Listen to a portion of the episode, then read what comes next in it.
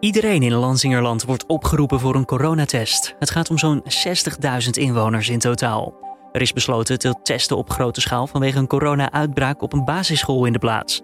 Daarbij werd bij meerdere mensen de nieuwe Britse, de extra besmettelijkere variant aangetroffen. Dit wordt het nieuws. Het is nu wel van belang om erachter te komen of die Engelse variant dat toch anders uh, aanpakt. Dat je toch kinderen besmet. Dat kinderen meer virus uitscheiden. En dan ook dat ouders of andere mensen in de omgeving besmet raken. Bert Niesters is dat, viroloog van het UMCG in Groningen. Hij vertelt zometeen meer over het testen. Maar eerst kort het belangrijkste nieuws van nu. Mijn naam is Julian Dom en het is vandaag maandag 11 januari. Dit is de nu.nl Dit wordt het nieuws middagpodcast.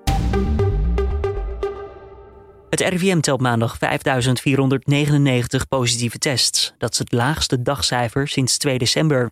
Het aantal coronapatiënten in het ziekenhuis stijgt wel weer naar vijf dagen. Het aantal is met 67 toegenomen tot 2621. Dat blijkt uit nieuwe cijfers van het Landelijk Coördinatiecentrum Patiëntenspreiding. Het lichaam dat zondag in Almelo is aangetroffen is dat van een 14-jarig meisje. De politie onderzoekt de doodsoorzaak.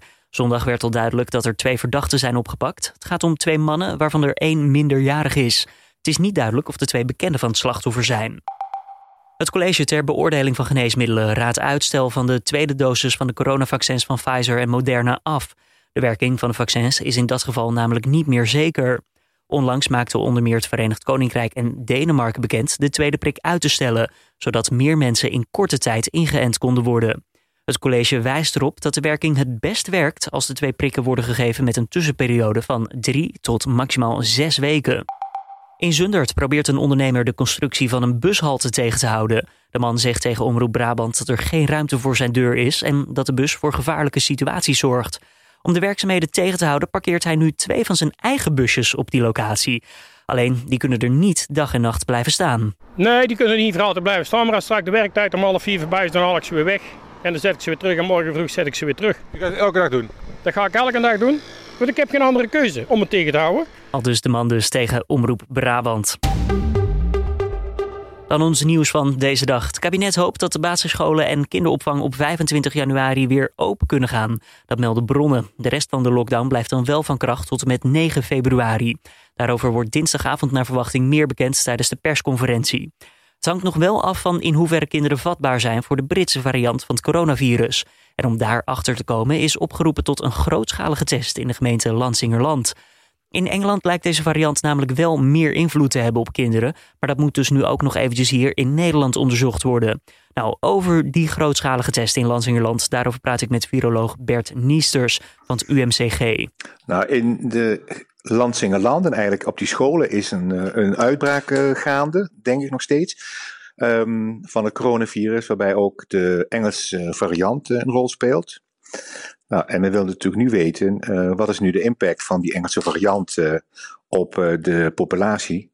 En dan voor, voornamelijk ook om te weten van in hoeverre die, die ook kinderen kan infecteren, want die kinderen zouden dan een rol kunnen spelen bij het verspreiden van het virus onder de, onder, ook onder volwassenen.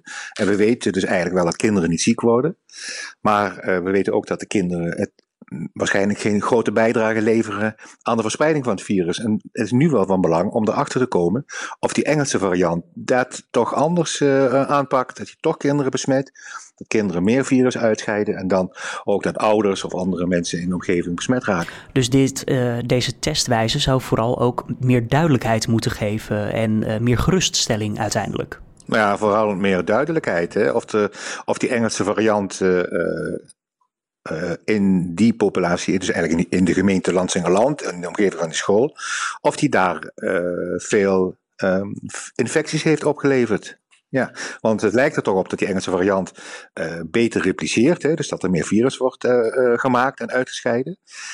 En nou ja, dat, die data zijn er niet op dit moment, uh, hoe het in Nederland is. We weten wel hoe het in Engeland is, maar in Engeland heeft men natuurlijk voor de kerst heel veel zaken nog opengelaten. Dus daar waren scholen nog open, er waren theaters nog open, cafés en restaurants. Dus men heeft ook zich niet aan maatregelen gehouden die we hier in Nederland wel doen.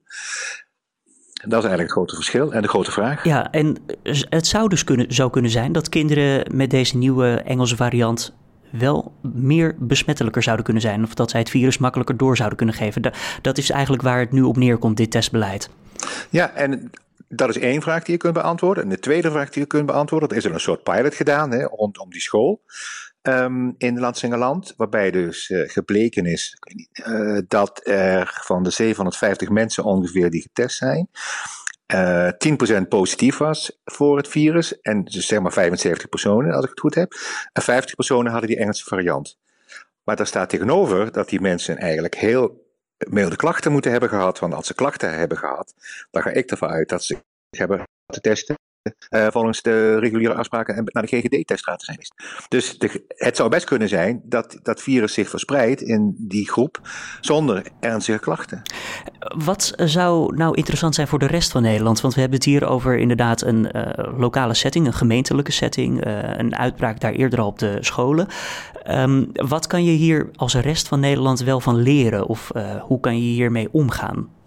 Nou, we willen eigenlijk weten in hoeverre die, Engel, die nieuwe Engelse variant, maar dit is er maar eentje, hè. we hebben nog de Zuid-Afrikaanse variant, dus er zullen nog veel meer varianten van het virus komen, die zich uh, waarschijnlijk gemakkelijker kunnen verspreiden. Um, in hoeverre dat een probleem is en hoe we dan ons testbeleid moeten aanpassen. Denkt u dat het testbeleid uh, ja, makkelijk aan te passen is, voor zover we dat op dit moment kunnen doen in Nederland? Nou ja, er zijn uh, twee grote voordelen op dit moment uh, wat we hebben. In, in tegenstelling tot um, uh, maanden geleden. Ten eerste hebben we meer testcapaciteit voor PCR-testen. Dus dat is al een, uh, een voordeel. En ten tweede hebben we ook meer antigeentesten. Zodat je dus ook op een andere manier kunt gaan testen. Dus de, dus de mogelijkheid om meer te testen is zeker aanwezig. En ik denk dat dat ook wel, wel goed is. Als ik u zo hoor, dan betekent dit ook niet dat dit een verspilling is van ja, relatief duur testmateriaal waar we misschien ergens anders tekort aan zouden kunnen krijgen. Ja, op dit moment hebben we daar geen uh, tekort aan. Nee, nee. Dus en uh, ik heb begrepen dat de minister uh, vanaf maart zelfs de testcapaciteit zo groot heeft ingeschat dat bijna iedere Nederlander zich elke maand kan laten testen.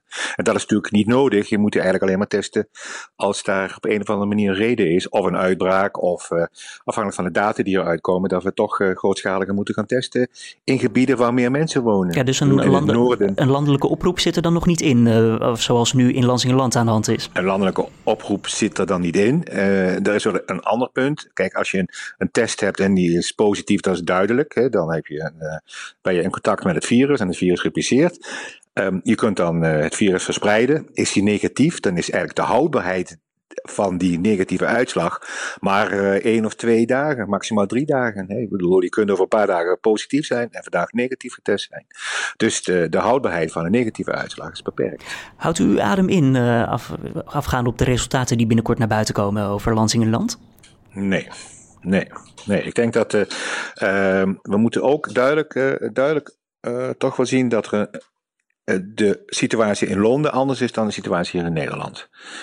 Voor de kerst hebben we in Londen veel meer losgelaten. We hebben toch een maatregelen genomen vanaf midden december, en eigenlijk ook wel iets eerder al.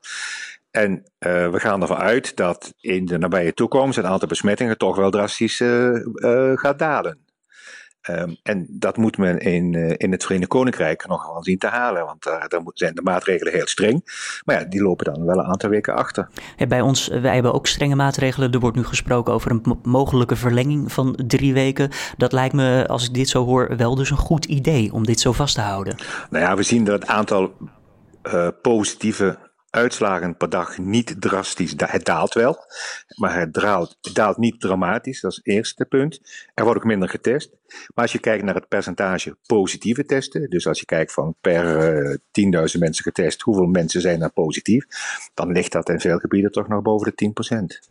En dat moet echt naar beneden. Als ik u dan mag vragen naar ja, wat voor maatregelen zouden daarbij wel kunnen helpen op dit moment? Wat zou het kabinet nog kunnen invoeren om dat cijfer omlaag te krijgen?